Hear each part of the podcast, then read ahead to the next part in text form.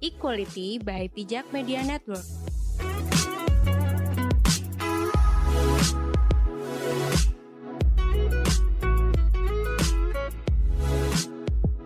Halo, selamat pagi, siang, dan malam. Kembali lagi bersama Dinda Safira di podcast Equality. Akhirnya podcast Equality berhasil menduduki episode ke-19. Dan episode kali ini tuh spesial banget karena kita mau ngebahas soal isu-isu yang lagi kontroversi nih di lini masa. Nah, pasti teman-teman tahu kan kasusnya Reinhard Sinaga yang aduh aku sampai speechless tuh nggak bisa berkata apa-apa lagi dan karena itu hmm, aku pengen sharing juga ke teman-teman bahwa apa yang terjadi di kasusnya Reinhard Sinaga itu nggak bisa digeneralisir nggak bisa digeneralisasi jadi hmm, apa ya karena kan banyak orang tuh yang masih awam soal orientasi seksual atau perilaku seksual makanya aku pengen banget sharing dengan seorang narasumber yang tentunya kredibel dong. Kalau nggak kredibel ya ngapain diundang di sini. nah, di episode kali ini uh, narasumberku ini akan sharing-sharing soal cerita dan pengalaman hidupnya, bagaimana dia memutuskan sesuatu yang menurut dia tuh yang menurut sebagian orang termasuk aku adalah keputusan yang berat gitu. Nah, boleh dong kenalan dulu siapa namanya? Halo, nama aku Anton. Aku uh, umur 24 tahun. Mm -hmm. Dan uh, profesiku adalah digital marketing. Oke. Okay. Anton lagi sibuk apa sih akhir-akhir ini? Aku sekarang lagi sibuk kerja. Mm -hmm. Ya, sibuk itu aja sih sebenarnya. Nah, okay. Sibuk kerja sama uh, sibuk hidup. Oh, Oke, okay. sekarang lagi menikmati hidup ya? Iya, iya, aku lagi menikmati hidup. Oke. Okay. Nah, Anton kan uh, aku udah bilang ya dari awal iya. bahwa yeah. yang akan kita bahas kali ini tuh rada-rada kontroversi, tapi ya sebenarnya buatku biasa aja. Karena ini tuh nyangkut sama pilihan hidup kamu. Ya kan bener kan pilihan bener, hidup bener. sama keputusan-keputusan berat uh, bagaimana kamu menjalani hidup ini kayak gitu. Iya, benar. Kamu kan pasti ngikutin sosial media ya.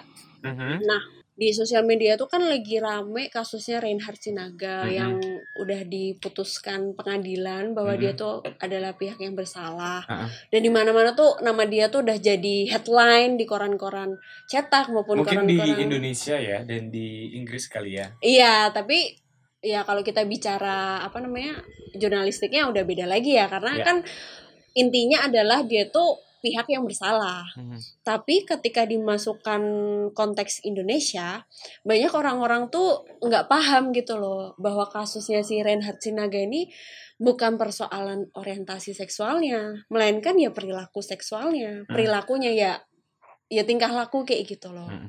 Kan banyak orang Indonesia tuh belum paham ya. Hmm. Nah, uh, berkaca dari situ aku pengen apa ya pengen mengulik aja sih sebagai orang yang sudah menentukan pilihan, apalagi ini pilihan menjadi uh, aku nggak apa-apa ya langsung belak-belakan ya. Pilihan menjadi seorang gay. Hmm. Menurut kamu gimana sih kamu menyadari itu dan bagaimana kamu tuh kayak berdamai gitu loh sama diri kamu sendiri kayak gitu. Ini terlepas dari kasusnya Reinhardt ya? Iya, nanti kita akan bahas tapi satu persatu dulu aja. Oke, okay Uh, kalau buat aku sendiri sih sebenarnya berdamai untuk diri sendiri tuh kayak eh, nggak uh, gampang ya. Mm. Hmm, mungkin kalau berdamai uh, gini, maksudnya berdamai diri ke diri sendiri itu antara aku dan aku itu mungkin akan lebih gampang. Uh, aku aku bisa bilang itu gampang. Okay. Tapi kalau misalnya berdamai antara diri sendiri dan uh, uh, dengan penerimaan apa dengan ekspektasi penerimaan orang lain, mm -hmm. dengan artinya kita mencoba untuk apa ya jadi diri sendiri di tengah-tengah okay. orang lain itu susah. Mm -hmm. Nggak mungkin nggak usah di tengah-tengah orang lain kayak di apa ya antara keluarga, mm -hmm. terus orang tua. Oke. Okay. Itu uh, itu lebih susah. Tapi kalau di de, diri ke diri sendiri itu sebenarnya bukan sesuatu yang sesusah itu gitu. Cuman ketika diri sendiri ke orang lain artinya maksudnya gimana ya? Me- menerima menerima pandangan orang lain ke diri kita itu yang hal yang susah. Tapi untuk Mm-mm. diri sendiri ke diri sendiri sebenarnya itu sesuatu yang bukan susah sih menurutku. Kayak ya udah gitu loh. Emang adanya kayak gini gitu. Oke, nah banyak orang di luar sana ya termasuk aku juga sih Ton bertanya-tanya kalau bukan kalau ya bertanya bertanya-tanya bahwa gimana sih kamu kan tadi kamu udah berusaha untuk berdamai dengan diri kamu sendiri. Nah, sebelum berdamai kan pastinya kamu menyadari dong bahwa ada sesuatu yang berbeda dari kamu. Nah, itu prosesnya kayak gimana sih? Sebenarnya kalau merasa berbeda itu maksudnya eh berbeda dari orang lain enggak ya. Karena karena orang yang kayak gitu tuh banyak gitu. Jadi aku nggak pernah merasa aku beda dari orang lain, beda sendiri diri sendiri gitu. Nggak pernah karena ban- ada juga orang yang kayak gitu gitu. Cuman beda daripada umumnya dan eh, mungkin orang yang bilang standar itu iya gitu. Tapi aku nggak pernah merasa kayak oh aku sendiri, aku eh, apa namanya beda dari yang lain. Enggak karena udah sebenarnya udah dari tahun dari berabad-abad yang lalu kelihatannya ya udah ada orang yang kayak gitu gitu. Mungkin kalau kita lihat dari eh, apa namanya sejarah-sejarah atau mungkin cerita-cerita yang dulu Mm-mm. yang dari adalah pokoknya aku pernah baca cuman nggak nggak ingat ya ceritanya apa emang Mm-mm. ada yang seperti itu dan itu udah terjadi sejak dulu gitu bahkan ada juga aku pernah ini yang aku ingat banget itu Mm-mm. aku pernah baca satu cerita ada satu eh, apa namanya eh, surat ditemukan gitu eh, surat itu dari perang kedua atau perang dunia pertama gitu Oke. perang dunia kedua atau perang dunia pertama di situ isinya adalah memang ada antara tentara tentara dari A dan tentara dari B sama-sama laki-laki dan itu suka. Dan itu kan udah zaman perang kan udah lama banget ya. Mm-mm. berarti itu bukan hal sesuatu hal yang baru gitu. Cuman mungkin Oke. karena sekarang medsos gitu jadi orang-orang yang tadinya eh, tidak pernah melihat seperti itu dan pada akhirnya mereka melihat gitu. Jadi kayak itu sesuatu yang baru buat mereka. Tapi sepanjang sejarah itu bukan sesuatu yang baru gitu Aku setuju sih bahwa sesuatu yang berbeda itu termasuk identitas gender itu emang udah dari lama. Bahkan di dalam agama yang aku anut, yaitu Islam, itu emang dijelasin bahwa Islam itu mengakui identitas gender yang selain laki-laki ataupun perempuan. Aku lupa deh nama Arabnya apa, tapi itu bisa diartikan sebagai eh, apa laki-laki yang ke perempuan-perempuanan ataupun perempuan yang ke laki-lakian kayak gitu juga ada ada juga yang tidak merasa laki-laki atau perempuan karena jenis kelaminnya tidak bisa diidentifikasikan sebagai laki-laki atau perempuan Ya. yang Mm-mm. kita sebut sekarang tuh sebagai intersex kayak Mm-mm. gitu. Nah, eh, kamu pernah nggak sih punya pengalaman nggak enak soal ini? Maksudnya kan kamu sudah menyadari bahwa dirimu itu berbeda dari orang standar orang-orang saat ini gitu loh. Kamu pernah nggak sih ngalamin pengalaman nggak enak? Mengalami pengalaman nggak enak pernah Mm-mm. eh jadi pengalaman nggak enak itu pernah terjadi ya Oke. berkait maksudnya yang berkaitan dengan eh, apa namanya eh, apa orientasi seksual gitu. Uh-uh. Dulu aku pernah eh, apa namanya eh, punya pengalaman eh, sering digodain di kantor, terus habis itu sering di eh, cubit dada, terus habis itu sering Mm-mm. di apa pegang pantat itu Iya. hal yang nggak enak gitu, Mm-mm. gitu karena eh, itu datangnya dari apa orang yang nggak kita inginkan gitu kan, Iya. terus eh, orang yang nggak kenal gitu Mm-mm. datangnya dari mereka-mereka yang memang tujuannya adalah main-main gitu. Tujuannya bu apa ya? Ya melecehkan gitu. Jadi itu aja sih sebenarnya pengalaman di luar itu nggak ada. Tapi mostly adalah eh, pengalaman dilecehkan verbal dan apa sih secara fisik gitu ya. Mm-mm. Gitu. Iya sih, karena siapa pun juga pasti nggak seneng kali ya kalau tiba-tiba ditoel, tiba-tiba di apalah dipegang tanpa konsen itu kan pasti nggak nyaman ya. Iya. Istilahnya gini, anak kecil itu ada kan anak kecil ada kan yang nggak nggak suka kadang-kadang di apa digodain juga ada Iya, suka. ya itu sama lah kayak kayak hal itu gitu Mm-mm. apalagi kita bukan bukan apa ya anak kecil gitu anak kecil aja maksudnya itu analogi gitu Mm-mm. yang eh apa godain anak kecil tuh bukan pelecehan ya Iya. gitu kan tapi itu kan kadang-kadang mengganggu gitu Mm-mm. Iya apalagi itu untuk orang yang sudah dewasa gitu Iya betul. yang eh, apa namanya memang memang apa ada bagian-bagian tubuh yang nggak cuman eh bukan nggak cuman ya maksudnya nggak nggak untuk dipegang sembarang orang gitu kan Mm-mm. gitu Nah ini kan eh, tadi kan soal apa sih sikap nggak nyaman ya ketika kamu merasa kamu berbeda kok orang lain jadi semena-mena gitu kan sama kamu intinya Ya. kan gitu kan. Mhm. Nah tapi kalau dari kamu sendiri ketika kamu sudah menyadari bahwa diri kamu tuh berbeda gitu, kamu merasa ini nggak sih kayak hmm, apa sih kalau dikucilkan kan jelas enggak ya? Tadi kan kamu udah bilang kayak gitu. Cuman kamu merasa nggak sih kayak kok aku dilahirkan kayak gini kayak gitu? Eh, nggak pernah ya. Justru aku eh, apa selalu selalu eh, malah tanya ke society gitu. Iya. Society kenapa sih society nggak mau menerima gitu? Maksudnya itu kan eh, apa udah dari zaman bahula gitu ya udah dari zaman dulu gitu yang eh, apa namanya semua sem- nggak cuman satu orang gitu kan. Mungkin kalau cuman satu orang ya udah pertanyakan gitu. Tapi itu kan udah dari zaman dulu jadi ya ya kenapa udah dari sejak zaman dulu kenapa hal itu tidak justru tidak diajarkan gitu? Maksudnya itu kan selalu ada selalu ada. Mm-mm. tapi itu dan itu bukan sesuatu yang baru. Dan Mm-mm. justru karena bukan sesuatu yang baru Mm-mm. seharusnya sesuatu itu jadi bahan pelajaran dan harusnya sudah bisa mulai diterima. Tapi kenapa?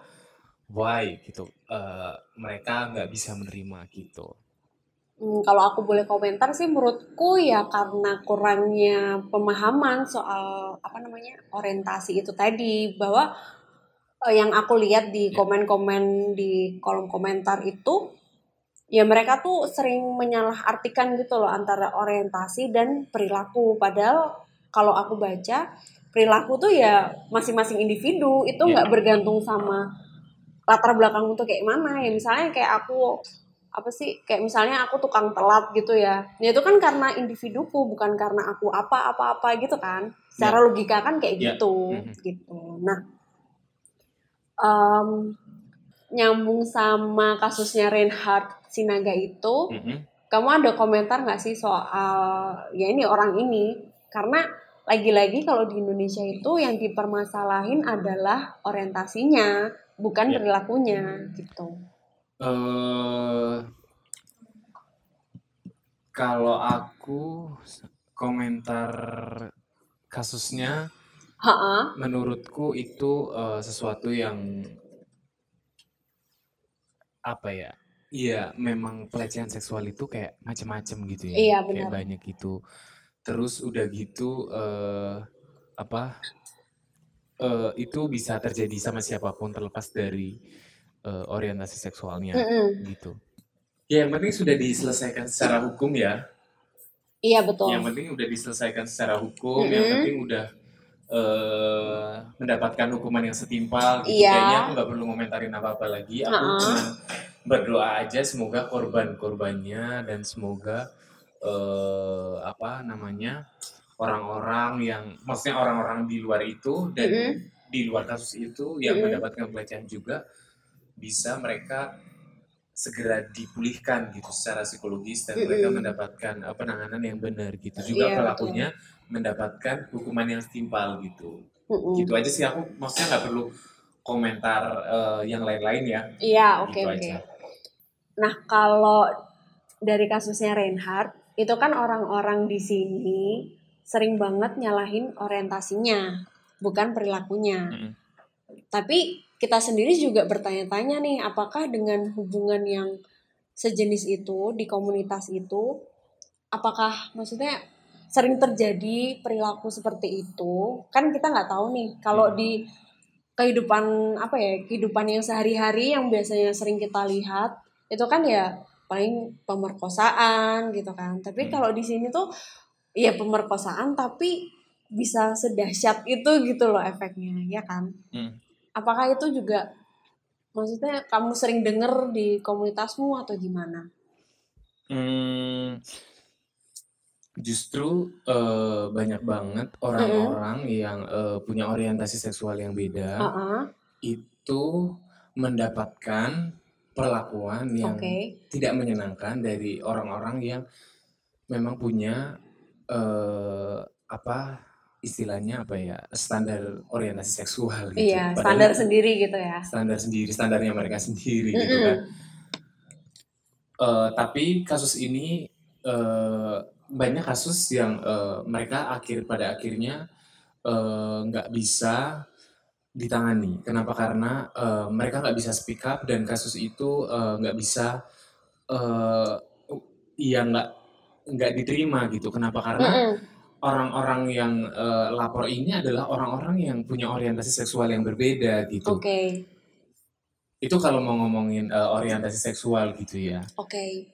Nah, kalau di kasusnya Reinhardt ini, Mm-mm. kenapa dia begitu bisa begitu dahsyat?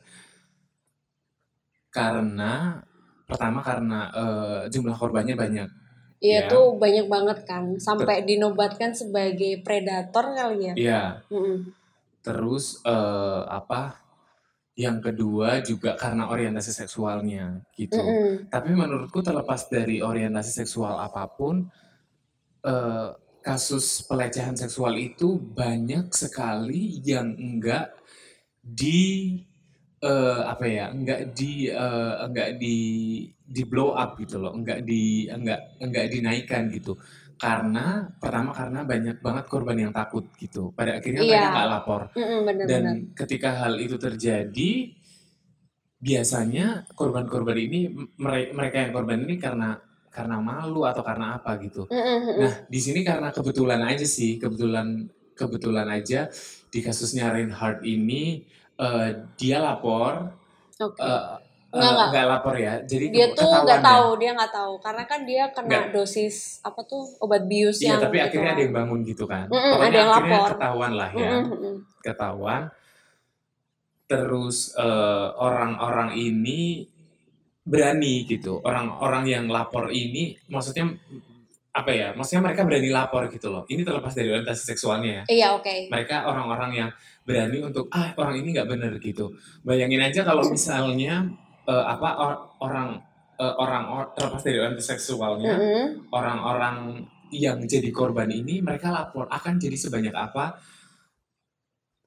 eh, apa kasus pelecehan seksual yang ada di dunia gitu nggak cuman ada di Indonesia nggak cuman ada di Inggris itu kan bakal jadi banyak banget dan itu Mm-mm. menurutku akan sangat banyak apa ya em, mungkin akan ada macam-macam kali ya sek- mm-mm. orientasi seksualnya itu jadi em, kalau misalnya ada orang yang komentar apa karena dia part of LGBT karena dia Oke. gay karena dia eh, gini gitu gitu itu eh, nggak ada hubungannya sih sebenarnya karena itu adalah dua hal yang berbeda bahkan jauh hal yang berbeda dua hal yang jauh Mm-mm. berbeda karena orientasi seksual orientasi seksual itu ya orientasi seksual sedangkan pelecehan seksual ini menurutku karena mungkin dia eh, pernah mengalami apa namanya pelecehan juga sebelumnya Mm-mm. atau mungkin dia pernah mengalami luka batin atau Mm-mm. emang dia fantasinya Mm-mm. aku nggak tahu tapi em,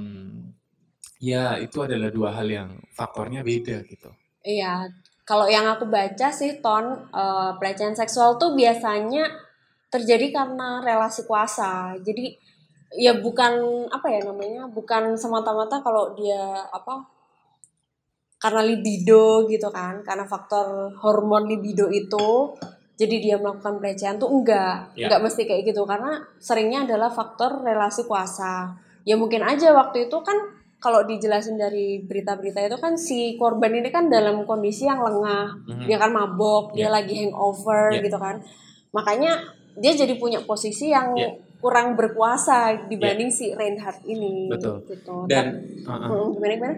dan eh, aku pernah kebetulan eh, apa namanya aku sangat concern ya dengan pelecehan seksual apalagi Mm-mm. eh, aku maksudnya pernah mengalami hal yang nggak mengenakan dengan hal itu Oke. gitu Eh, dan kebanyakan orang oh, ini orang yang jadi korban ini adalah orang yang eh, se- kayak tadi nggak sadar gitu kan Iya, orang-orang yang heeh. eh, apa namanya nggak berdaya gitu terus juga eh, orang ka- kalau mungkin kalau terlep- terlepas dari kasus ini kalau misalnya antara antara aku ngomong ini antara yang straight dan gay gitu yang Mhm. straight attack yang gay itu karena because apa ya mereka nggak manly enough gitu loh mereka nggak nggak ada di standar maco pada umumnya apa sih standar Oh, maskulinitas maskulin ya ya, standar maskulin pada umumnya.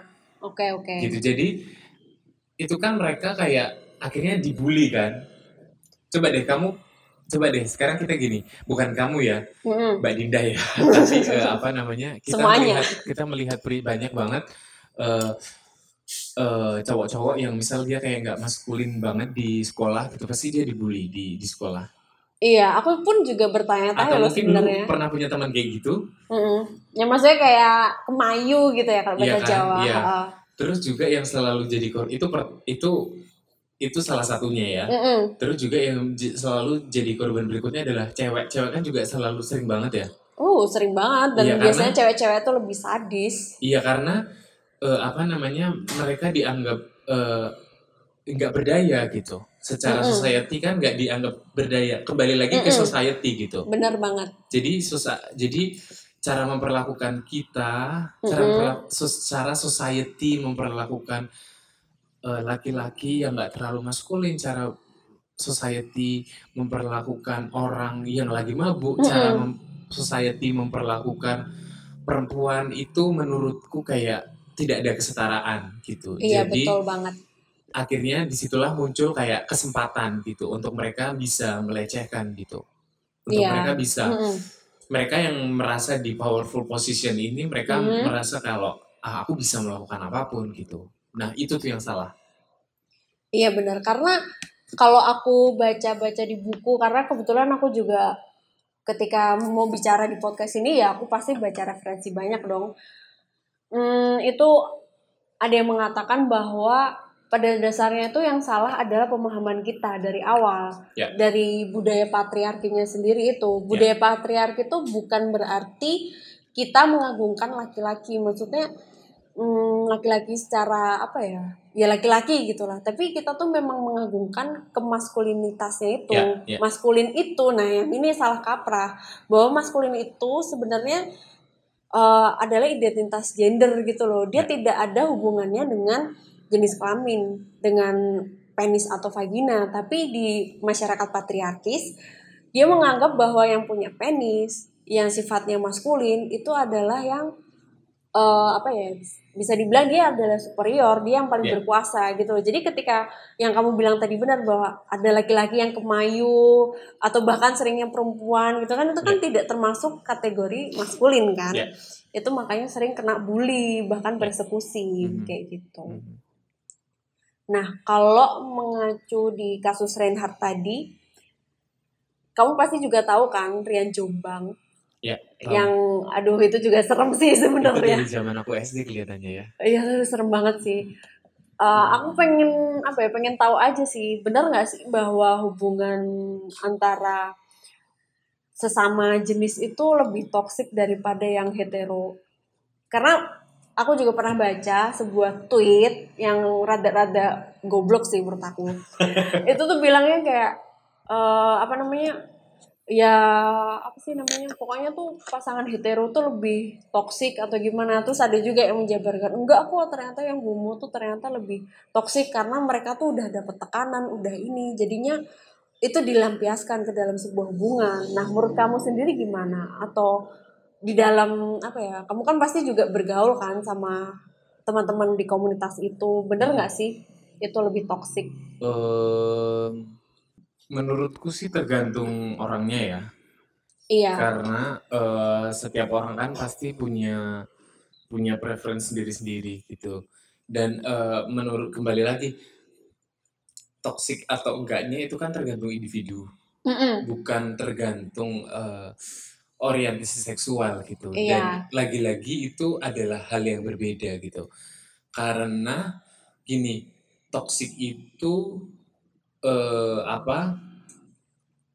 Kenapa bisa toksik itu kan perilaku ya, munculnya dari perilaku bukan dari orientasi seksual gitu. Mungkin dia uh, mungkin yang apa uh, uh, satu suka bangun siang, yang satu nggak suka bangun siang, terus yang satu suka misalnya uh, suka uh, mabuk-mabukan, yang yeah. satu enggak gitu. Okay. Itu kan uh, buat salah satu orang, buat salah satu uh, apa namanya yang menjalani hubungan itu itu akan jadi toksik gitu dan ter, itu apa maksudnya sangat tidak berhubungan dengan orientasi seksual gitu. Nah, Iya, kalau okay. ada orang yang bilang uh, apa karena mendapatkan tekanan sosial terus habis itu mereka uh, melampiaskan ke hubungan, menurutku itu salah sih karena uh, apa namanya tidak seharusnya seperti itu gitu. Karena hubungan yang apa ya pacaran yang partner gitu itu harusnya dijalani dengan hati gitu. Kalau misalnya hanya dijadikan pelampiasan, ya ngapain di ngapain ngapain berpartner gitu. Itu kan pertanyaan itu itu hal yang paling mendasar sebelum kita menjalani hubungan gitu kan. Iya, benar. Masa menjalani hubungan karena karena atas dasar tekanan. Bahkan menurutku itu pun tidak tidak apa ya menjamin gitu untuk pasangan heteroseksual gitu. Misalnya aja kayak uh, Siti Nurbaya gitu kan di oh. di di di Jadul banget dengan, ya Siti Nurbaya. Iya, itu contoh yang paling kong, apa konkret ya. Di, di dijodohkan dengan Datuk Maringgi gitu kan. Karena utangnya nggak karena utangnya utang bapaknya nggak lunas gitu. Iya. Terus itu ya akhirnya akan jadi toksik dong buat Siti Nurbaya gitu karena mm -hmm. dia menjalaninya berdasarkan tekanan gitu iya. nah itu berarti tinggal yang menjalani aja aku nggak tahu ya Datuk Maringginya seperti apa tapi selama di cerita itu si Siti Nurbaya kan merasa tertekan. Nah, iya. tertekan itu kan berarti udah toxic nih buat dia. Mm -mm. Uh, apa namanya nggak bener gitu buat dia. Jadi ya uh, kembali lagi ke individu gimana uh, yang memutuskan dia yang memutuskan ini toxic atau enggak gitu. Iya, aku setuju sih karena lagi-lagi perilaku toksik itu ya tergantung individu. Cuman ya pengen menjawab apa sih pengen ngasih tahu aja ke teman-teman dan netizen bahwa nggak hmm. selamanya loh yang misalnya hetero atau yang homo yeah. itu tuh jauh lebih toksik atau enggak yeah. ya emang tergantung individu kan yeah ya biasa lah namanya juga orang awam kan nggak ngerti gitu loh apalagi yeah. kalau kita tidak pernah bersinggungan langsung sama orang yang bersangkutan yeah, gitu. justru mereka yang nggak tahu tuh harus banyak-banyak main kali ya iya tulannya kurang atuh yeah. gitu nah okay. kemarin-kemarin kita pernah ngobrol ya ton soal kondisi psikologi seseorang mm -hmm. dan ini juga nyambung ke perilakunya si Reinhardt yeah. dia tuh waktu di sidang di Manchester Manchester Court itu dia tuh ngakunya suka sama suka. Hmm. dan dia tuh terlihat ceria kayak nggak nggak salah apa apa gitu. Tapi menurut kamu uh, perilaku ini tuh bisa didorong karena apa sih? Karena menyadari orientasi seksualnya yang berbeda atau enggak sih?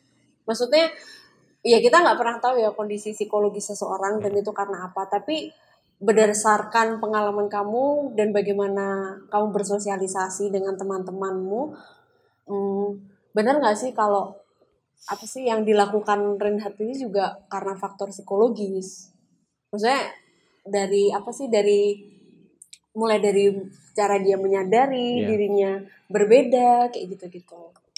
Uh, pasti iya ya, mm -mm. karena kan uh, apa namanya dia sampai melakukan hal seperti itu. Gitu. Iya. Uh Itu jadi menurutku uh, istilah gampangnya aja nggak uh, mungkin dong nggak ada asap kalau nggak ada api. Iya. Itu okay. kan pasti ada penyebabnya dia melakukan hal mm -mm. seperti itu gitu.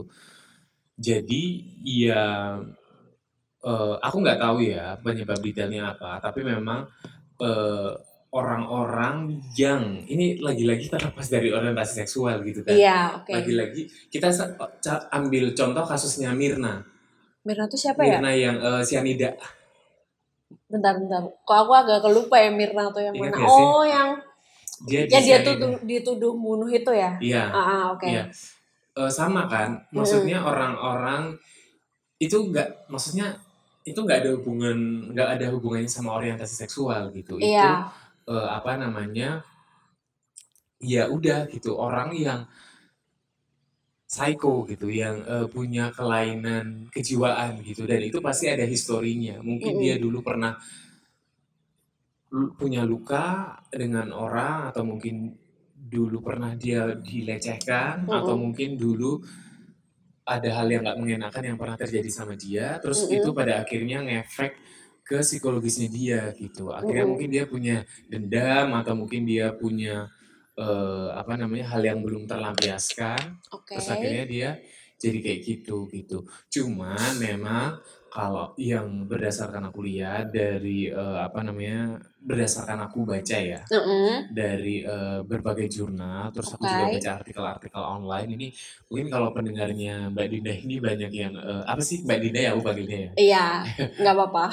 Apa banyak yang eh, eh, pengen tahu gitu itu Iya. bisa dibuka di mana pun kalau eh, orang-orang yang punya orientasi seksual yang beda atau LGBT itu mungkin nggak cuma LGBT orang yang mungkin Mm-mm. di luar itu yang punya orientasi seksual berbeda itu mereka eh, rentan terkena stres gitu dan depresi Iya. gitu heeh. karena mereka eh, apa eh, apa ya mereka mikir mungkin karena mikirin diri sendiri sudah susah kali ya Iya dan mereka juga butuh sih. acceptance gitu Mm-mm. kayak dari orang-orang sekitar dan itu kan bukan sesuatu yang gampang gitu karena orang-orang sekitar menganggap hal itu adalah hal yang melenceng gitu jadi ya gitu Menarik banget ya penjelasannya dari Anton karena ya aku benar-benar mendengar sendiri dari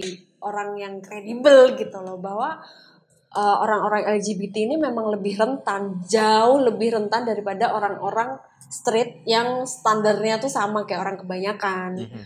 Mereka tuh lebih rentan karena ya aku nggak tahu juga sih kenapa orang-orang menganggap suatu perbedaan tuh sebagai hal mungkin aib atau mungkin kayak sial kayak gitu. Padahal Iya, jadi Iya kan? sebenarnya kan eh, orang yang punya orientasi mungkin gini ya, karena eh, itu kan ajaran ya.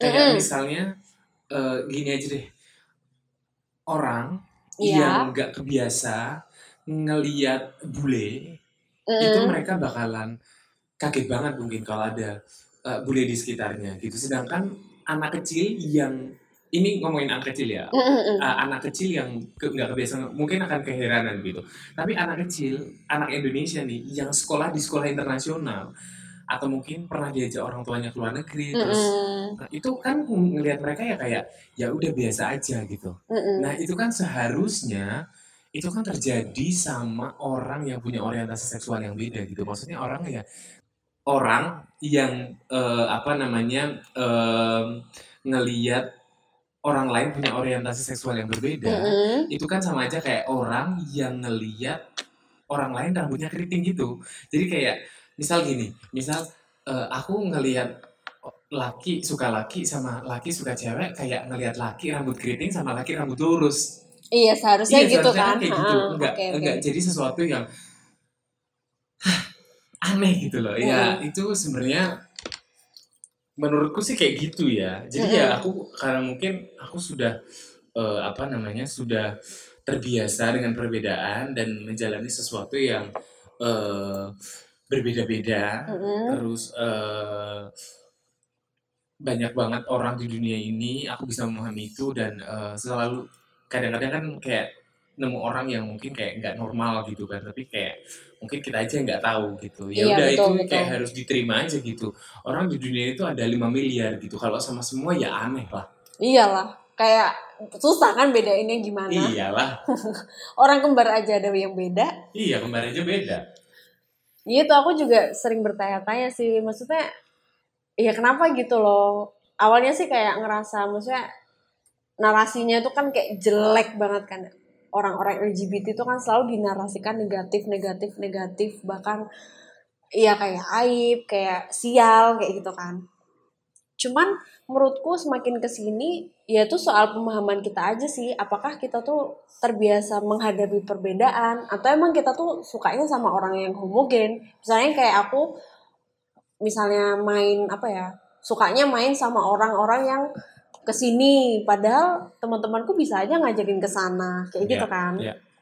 gitu. Nah, selain soal tadi ini kan menarik banget ya karena bisa semakin menjelaskan bahwa orientasi seksual itu ya nggak ada hubungannya sama attitude lo kayak gitu kan. Mm-mm. Perilaku ya udah emang itu attitude pribadi itu Hmm. personal nggak ada hubungannya sama orientasi seksual bahkan orang tuamu siapa itu juga mungkin nggak akan ngaruh ya didikan orang tua mungkin ngaruh tapi kan balik lagi ke individu masing-masing Ya. kan kayak gitu nah dari kasus Reinhardt ini sendiri kamu sebenarnya mengalami keresahan nggak sih ton kayak eh, kayak kemarin itu bukan kemarin sih beberapa tahun lalu juga di Jogja pernah ada ribut-ribut soal pesantren Baria yang itu digerebek padahal Ya. kan mereka niatnya juga baik ya namanya juga pesantren nah kamu melihat kasus Reinhardt ini apakah kamu merasa khawatir resah atau kamu biasa aja Eh, Maksudnya dalam Gini. konteks ini loh, reaksi masyarakat. Ya, eh, justru karena kasus ini seharusnya eh, banyak banyak banget orang yang bersyukur gitu. Kenapa? Mm-mm. Eh, karena pada akhirnya, maksudnya orang-orang yang bersyukur nih orang-orang yang jadi korban pelecehan seksual gitu.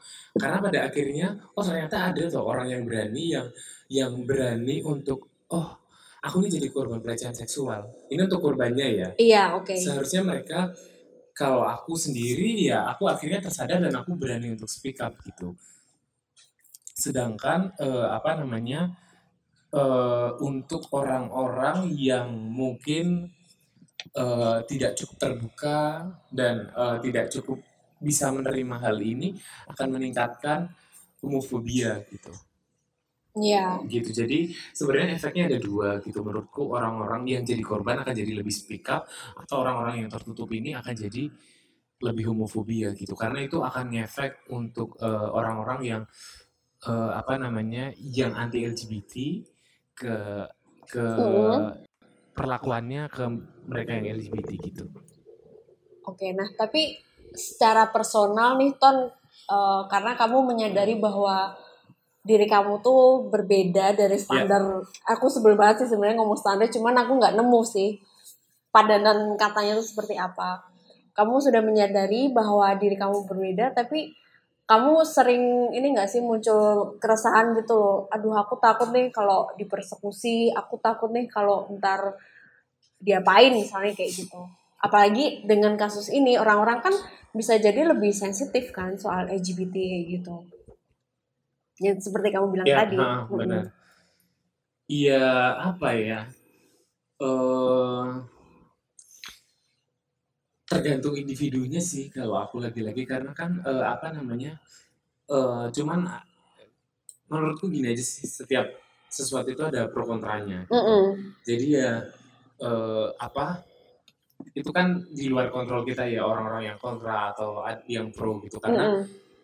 Aku sendiri kalau melihat dari kasus Reinhardt ini aku juga tidak bisa berpihak sama dia gitu. Walaupun mungkin dia ada di kaum LGBT yang selama ini kayak eh, apa ya kontroversi gitu kan. Terus yang mungkin dianggap lemah dan Oke. eh, apa ya ya itu kalau aku tinggal ini aja sih tinggal kita menanggapinya itu dijadikan pelajaran aja gitu. Untuk Oke. untuk untuk diri kita untuk bisa lebih menjaga diri dan untuk untuk lebih eh, hati-hati gitu. Supaya nggak jadi korban. Iya sih bener. Nah Ton satu lagi nih sebelum kita tutup perbincangan pada kesempatan ini, kamu ada pesan nggak sih buat pendengar equality, apalagi dengan maraknya kasus Reinhard Sinaga ini kan orang-orang jadi lebih sensitif ya. Kenapa sih orang-orang tuh gampang banget marah-marah, tubir kayak gitu? Aku juga heran sih. Cuman kamu ada pesan nggak supaya temen-temen nih bisa lebih tercerahkan sedikit gitu? eh mungkin kalau aku sih eh balik ke awal lagi ya dan paling klasik Iya, banget oke.